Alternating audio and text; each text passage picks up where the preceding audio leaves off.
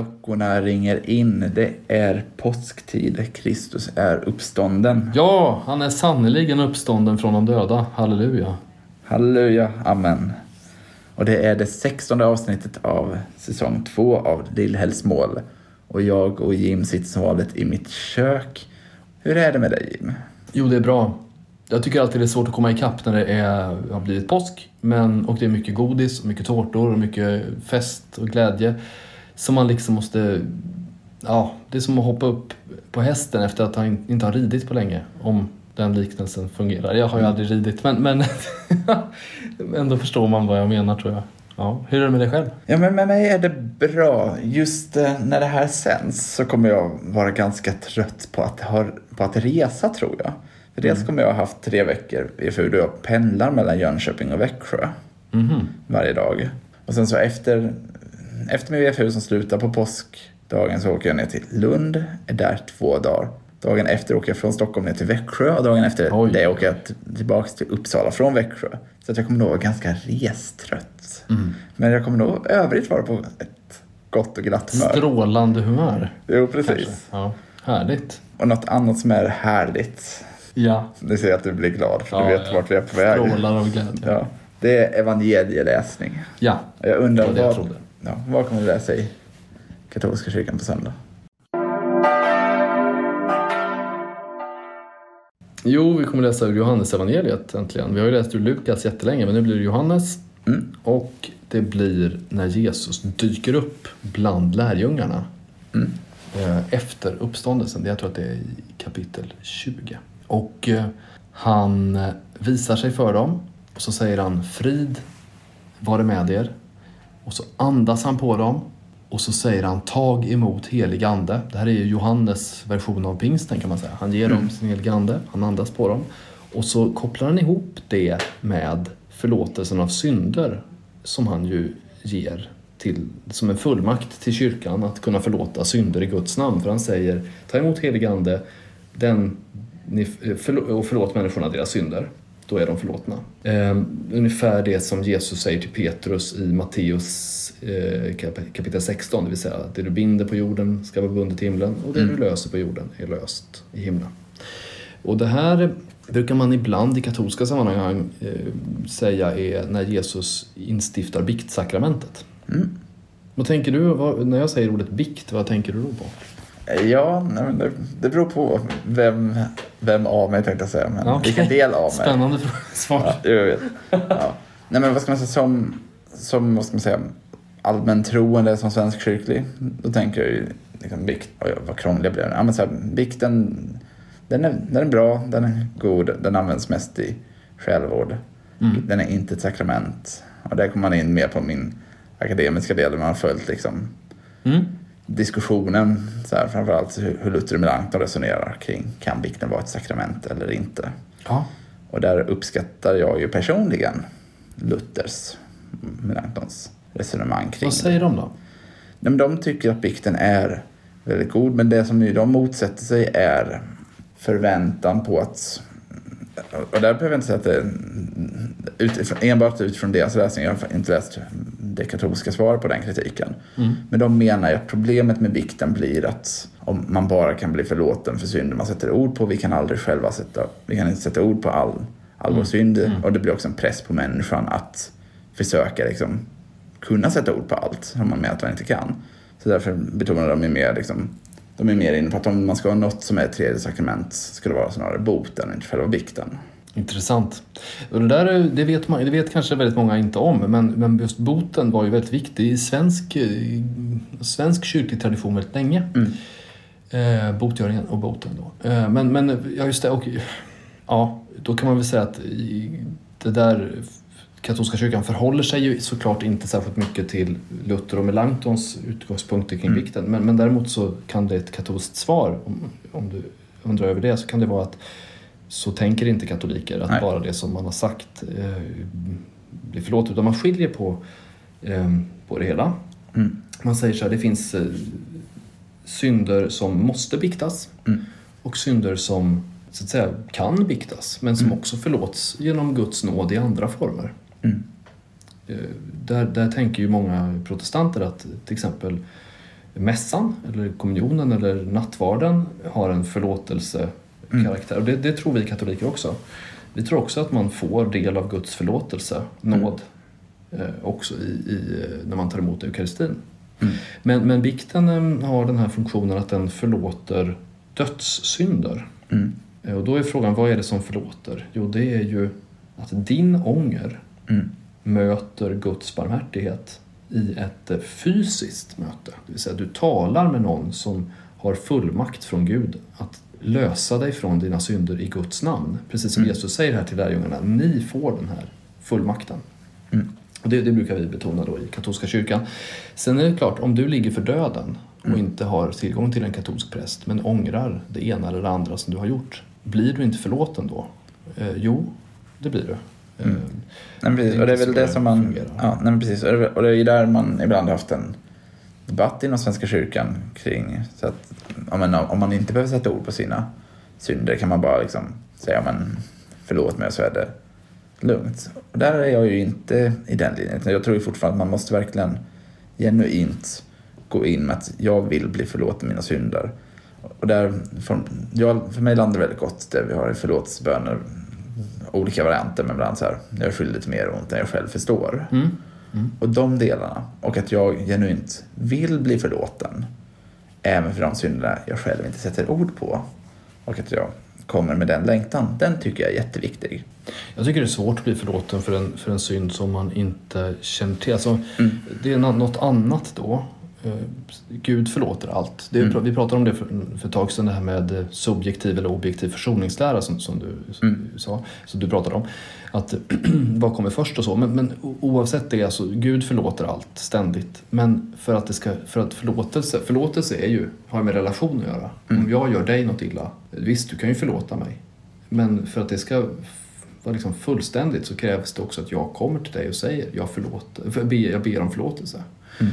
Eh, Det, det är som från två håll. Eh, Sen är förlåtelse, det är komplicerade saker som vi kan prata mycket om någon gång. Men, men, eh, men jag, jag, det här är ju viktigt tycker jag. Ja. Att vi kan inte bli förlåtna om vi inte ber om förlåtelse. Sen saker vi inte vet om Mm. att vi har gjort fel behöver kanske heller inte så att säga vi be om förlåtelse för. Utan det är ju först när vi känner till att det var fel. Ja, nej, men det här är intressant. Jag tänker, vi ska inte fastna allt för Nej, mycket nej i men lite grann orden. då. Mm. Men om jag skulle, om vi, om vi sätter det här mellan oss två. Mm. Mm. Om jag skulle komma till dig med en formulering att så här, jag ber för, om förlåtelse för saker jag, för allt jag har gjort som har gjort dig illa. Mm. Är det otillräckligt som Nej, det, förlåtelse? tr- det beror ju på. För att det är lite någonstans det jag vill åt. Att, för att då vill jag åt, alltså, jag vet att jag har gjort fel. Ja, Jag kanske inte har förstått alla detaljer i allt fel. nej exakt. Men jag förstår att jag har gjort fel. Nej, men så det vill jag lägga fram. Det tycker jag låter rimligt. Och det är Däremot- lite det som jag uppfattat Luther och Melanchthon vill åt. Att Mm. Så länge jag förstår Ja. att jag har gjort fel, Mm. så, så att säga, där räcker det. Jag behöver inte kunna sätta ord på. Mm. Jag ber om förlåtelse för när vi den 15 september klockan, Mm, mm. nu överdriver jag lite, men. Nej, men om det finns en gemensam förståelse, då tror jag Mm. att det är helt okej. Däremot om du säger så här, förlåt i allmänhet för allt som du tycker att jag har gjort fel. Mm. Då, då tror jag att det blir krångligare för mig precis. att förstå vad du, vad du ber om förlåtelse för. Mm. Ehm, och det kanske, jag tror att för att kunna be om förlåtelse så måste man ha en gemensam förståelse. Och när det gäller förlåt, att be Gud om förlåtelse, då handlar det ju om, där är ju Gud, där har han talat om vad som är rätt och fel. Mm. Och sen är det jag som förhåller mig till det. Det är inte, så, det är inte en diskussionsfråga, så att säga, vem har rätt till tolkningsföreträde, utan det är Gud som har det, Ja. eh, skulle jag säga. Däremot i förhållandet mellan dig och mig så kan det Mm. vara så att du tycker inte att du gjorde fel på alla punkter som jag tycker du gjorde fel. Att Det kan ju vara mer komplicerat där. Ehm, och, och så vidare. Va? Mm. Eh, nu fin, har inte du och jag någon sån konflikt, så Nej, det, ja, tack och lov för det. Så, men men det, det här tycker jag ändå åskådliggör, det var bra att, du- att du sa de här sakerna tycker jag. Det gör också att jag förstår lite bättre hur, hur man kan eh, tänka kring, kring det här. Ehm, jag tycker men just, ehm, just det här med, med vikten då i katolska kyrkan, eh, fördelen som jag tänker i alla fall är att det är en väldigt konkret sak. Alltså, Mm. ehm, men även när jag var svenskkyrklig då, protestant, så tyckte jag ju att förlåtelseorden i mässans inledning, Mm. alltså när prästen säger på, På Jesu Kristi uppdrag uppdrag säger jag dig. Mm. Alltså det är väldigt starkt tycker jag. Och jag brukade då, och det tycker jag det uppmuntrar jag samtliga svenskkyrkliga präster att gärna inför syndabekännelsen tala om eh, lägg nu fram inför Gud specifika saker som du vill att han ska förlåta. Mm. Det, det ja, tycker jag. Och det, det är jätte- en jätteviktig grej. En sak som jag har... Man upptäcker ibland saker man har saknat när man först märker att det fanns ett alternativ. Mm. För jag har nog allt, jag har allt, innan jag flyttade till Uppsala har jag alltid varit i kretsar där förlåtelseprocessen går ganska fort. Mm. Men sen så hamnade jag i en kyrka här i Uppsala där prästen verkligen tar tid mellan att vi Ja. ber. Liksom. I själva liturgin pratar vi Ja, om. nej men precis. Från att vi har bett den gemensamma bönen. Mm. Alltså, han säger, Herre hör hjärtats Ja, just det. Tysta bekännelser. Ja, Ja, det är att verkligen låta den tystnaden ta tid. jätteviktigt. Ja, och det har jag verkligen upptäckt att det, det kommer jag verk, verkligen göra som präst. För att Mm. jag känner en Mm. jätteskillnad Mm. Mot när jag går till andra kyrkor där det så här snabbt går från att vi ska bekänna till att vi blir förlåtna. För att jag vill just hinna ta mig tid att tänka igenom. Som du säger, men det är bra att tänka, har jag någonting som är verkligen... För att jag tycker inte det är fel att kunna sätta ord på synder man vill lyfta fram. Nej. Men i det så tror jag också att jag i den stunden också blir... Eller jag får också förlåtelse för de sakerna jag inte sätter ord på. Men det jag kan sätta ord på tycker jag är jätteviktigt att jag får tid att sätta ord på. Absolut. Jag, jag, jag, jag fastnar vid, men nu, ja, nu ska Ja. vi kanske inte göra det, men jag, jag tycker, jo, det var bra att det blev ett samtal om det här, för det här är Mm. viktiga saker. Jag fastnar för det här att du säger det, att du blir förlåten för saker som du inte kan sätta ord på. Är det ändå saker som har hänt, tänker du, att, som Gud förlåter där och då? Tänk om du kommer på senare, till exempel, tänk om någon kommer fram till dig vid ett tillfälle och säger du, det som du gjorde där och då, det, det kändes inte bra för mig. Och då, då förstår du alltså, jaha, det här var fel. Tänker du då om den situationen att det där fick jag ju förlåtelse för, det, har jag, det där är redan förlåtet. För Gud har förlåtit alla saker som jag gjorde fram tills den, eller hur det nu, Mm. förstår du vad jag är ute Ja. efter? Jag tänker på både och här. I grund och botten ska jag säga ja. Situationen är redan förlåten. Mm. Sen tror jag att det finns... Jag tror ju inte... Jag brukar ju oftast, jag hade det redan som köpet som barn, att jag tror inte att det finns någonting som heter slumpen. Mm. Utan om det då kommer fram till mig, då tror jag att det finns en anledning att också lyfta fram det Mm. i nästa förlåtelse. Mhm. Eftersom du nu har kännedom om det då? Ja, Just det, ja, jag fattar. Så det har lite grann med psykologi att göra också på något. Det är klart att det har det. Det tror jag också det har för Luther och Melanchthon, Mm. som jag minns det. Att de utgår väldigt mycket från personliga erfarenheter. Och, och det här ligger nära, alltså försoning, förlåtelse, det har nära till personliga erfarenheter. Och idag, den här söndagen då som, som närmar sig, den kallas i katolska kyrkan för den gudomliga barmhärtighetens söndag. mm.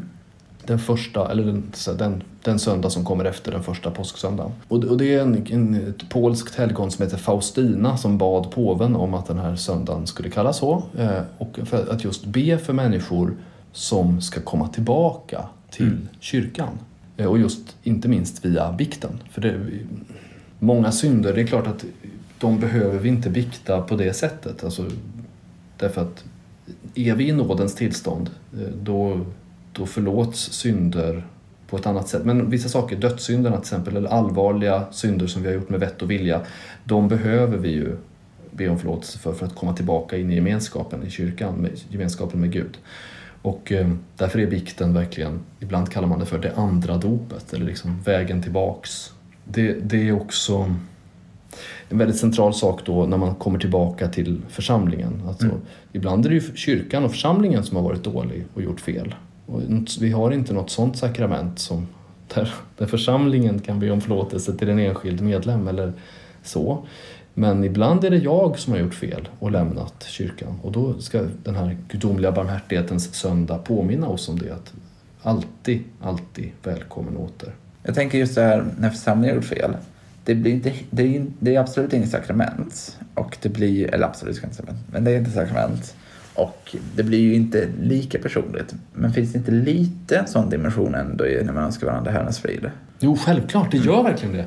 Bra att du, ja det där, det sa jag alltid till konfirmanderna att just i Sverige var det där väldigt eh, viktigt. I medeltiden, alltså om, om du och jag inte kunde hälsa på varandra under fridshälsningen av skäl, Mm. då kunde ingen av oss ta emot kommunionen. Nej, precis. Alltså då gick vi inte fram. Mm.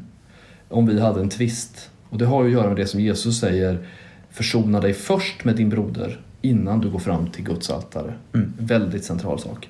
Det har också lite grann med vikten att göra. Att om, du, om du har en allvarlig synd på ditt samvete då kan du inte, och det här tror jag Martin Luther också tycker, och Mm. då kan du inte gå till, till eh, kommunionen eller till nattvarden. Då måste du först försona dig med Gud. Ja. Helst med din broder också då. Mm. Ja, det om detta. Det, hur, hur ska man leva det här gudomliga barmhärtighetens söndag, bikten, allt det här? Ja, du kan ju gå och bikta dig såklart. Eh, verkligen. Nu är det precis på, blivit påsk antagligen. Om du är katolik har du biktat dig i fastan. Bikta dig igen. Väl- Välkommen till bikten. Men det jag tänkte säga som en konkret sak som du kan göra oavsett om du är katolik eller protestant. Oavsett. Du kan be för någon som fanns i kyrkan förut men som har lämnat. Mm. Av vilket skäl som helst. Det kan vara någon som har blivit illa behandlad av kyrkan eller någon som själv har tröttnat eller gått iväg eller för att den inte håller med om kyrkans värderingar eller vad som helst. Mm. Välj en person som du ber för lite extra de här dagarna. Det är mitt tips till den här veckan. Ska vi ta oss vidare i livet? Ja, nej, men det gör vi. Väg. Precis. Vi tar oss vidare till Svenska kyrkan. Mm. Det är då andra söndagen i påsktiden. Vi läser från Johannes 21, 15-19. Och det är här bland annat Jesus frågar Petrus tre Åh. gånger Mm. om han älskar honom. En av de, de bästa texterna i Johannes evangeliet. Och meddelar sedan också på vilket sätt Jesus skulle dö. Eller inte Petrus. Petrus. Tack, precis. Petrus kommer dö parallellt med att han pekar ut att Petrus ska vara herde. Och jag tänker, hur känns det att bli ifrågasatt kring sin kärlek för Jesus? Oj. Om jag, om jag går in och ifrågasätter dig här Ja, och nu. mm. Så älskar du verkligen Jesus? Ja. Hur skulle det kännas? Jag vet ju att du lever i det här spänningsfältet. Mm. Du, du går ju på en teologisk högskola där människor tycker och tänker olika i teologiska frågor. Mm. Och därför tänker jag att det här är en ak- aktuell sak. Ja. Eh, Du, så här, du som tycker si eller så. Mm. Tycker du verkligen att du är trogen mot Jesus när du gör det här? Eller i mitt fall som har släktingar och vänner som tycker att bara den som är andedöpt är riktigt kristen. Mm. Eller den, ja, någon skulle kunna anklaga mig för att säga att bara den som är katolik är ju i kyrkans fullhet. Ja, det är ju den doktrin som jag skriver under på. Men det betyder inte att andra kristna inte är riktiga kristna. Mm. Och så vidare. Alltså vi kan rikta den frågan mot varandra. Det är ju väldigt viktigt. Du ställer ju verkligen, det här är en jättecentral fråga för Mm. många kristna. Är du verkligen trogen mot Jesus? Älskar du verkligen Jesus? Och Jesus själv säger så här, den som älskar mig håller mina bud. Och då blir det lite ännu värre för oss. Va? Mm. Håller jag? Älskar jag? Visst, okej, jag kan säga att jag älskar Jesus, men gör jag det då? Mm. Ja, jag tycker det är en mycket viktig samvetsfråga. Ja, men precis.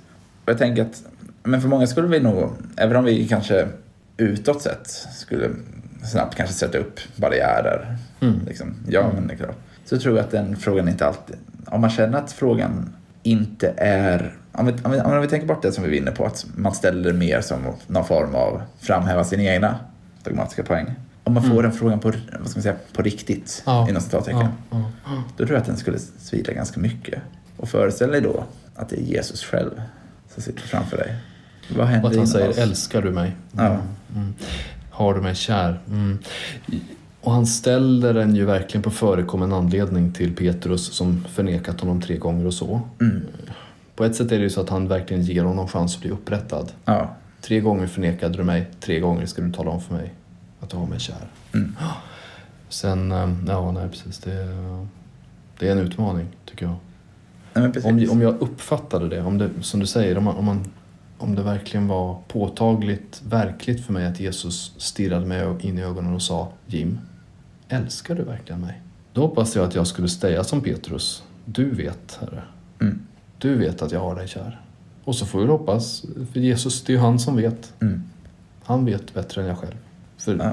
Mm. Vad tänker du då själv om den frågan? Hur skulle du uppleva den? Ja, men jag hade nog verkligen också upplevt den som väldigt jobbig.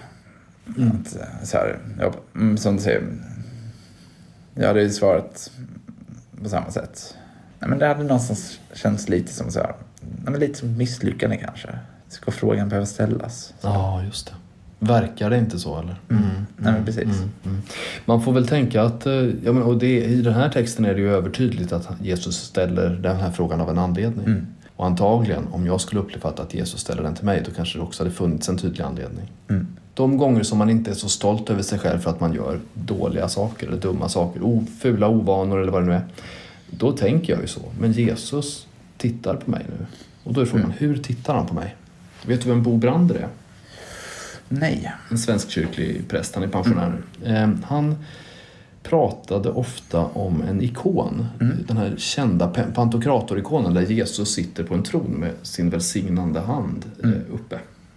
Jesus har ofta en välsignande hand uppe. Och så frågade Bo Brander så här, på vilket sätt tittar Jesus på dig? Han tittar inte argt, han tittar inte på dig för att han ska skälla, han tänker inte skälla på dig. Mm.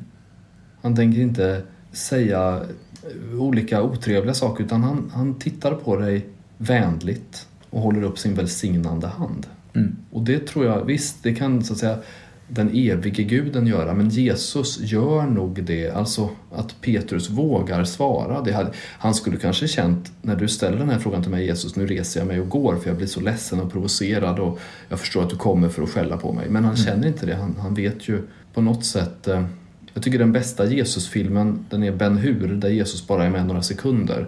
Och man ser inte ens Jesus. Man märker bara hur människor blir påverkade av när Jesus ser på dem. Och så där tror jag det är med Petrus, att han på något sätt ser Jesu blick, kärleken, den äkta kärleken till Petrus. Och faktiskt öppenheten för att jag vill höra ditt svar. Jag kommer inte för att straffa dig, för att klaga på dig, utan jag vill höra ditt svar. För ditt svar kommer vara det som du bygger hela ditt- liv på sen. Så det beror nog på Ja. hur man uppfattar det när Jesus kommer. Om man blir rädd eller om man känner att Jesus vill mig väl när han frågar mig. Nej men verkligen. Jag hade, jag hade egentligen en aspekt till på detta som skulle vara lite mer brandfackla mellan oss. Men Kör, kör. Nu Okej, måste ja. du köra den. Du kan inte säga så. Det förstår du väl? Ja. Ja. ja. Nej, men någonstans här, Jesus är ju också tydlig med, ja men peka ut liksom Petrus roll.